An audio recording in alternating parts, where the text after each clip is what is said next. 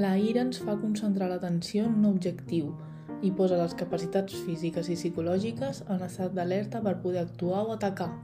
Quan una persona s'enfada, els músculs del cos es posen en tensió per a reaccionar ràpidament enfront del possible perill.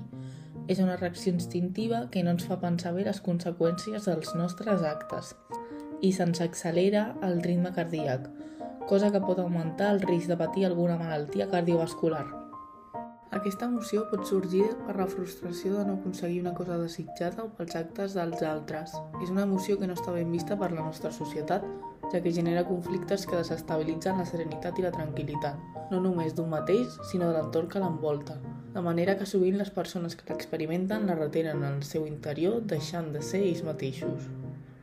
Llavors tot plegat dificulta les nostres relacions socials, degut a que les persones del nostre cercle poden perdre la confiança o el respecte en nosaltres.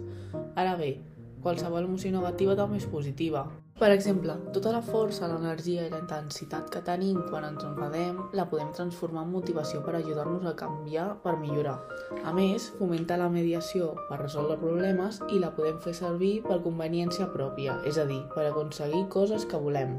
En el nostre dia a dia podem trobar aquesta emoció en diverses situacions, com en baralles entre infants, en l'egoisme a l'hora de compartir material amb els companys, en obtenir un resultat diferent al que estaven convençuts que aconseguiríem en una activitat escolar, etc. Vale. Dit això, com podeu treballar els professors l'emoció amb els alumnes?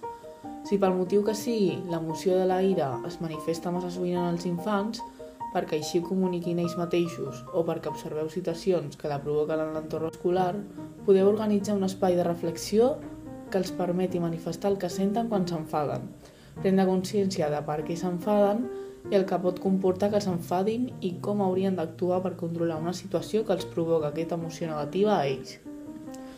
Per fer més visual l'explicació, podeu utilitzar un globus que serveixi de metàfora. La ira continguda dins del globus pot acabar fent que exploti si no sabem canalitzar-la. Cal que el globus es desinfli totalment. Doncs bé, deixem aquí la ira i us esperem amb més alegria a l'alegria.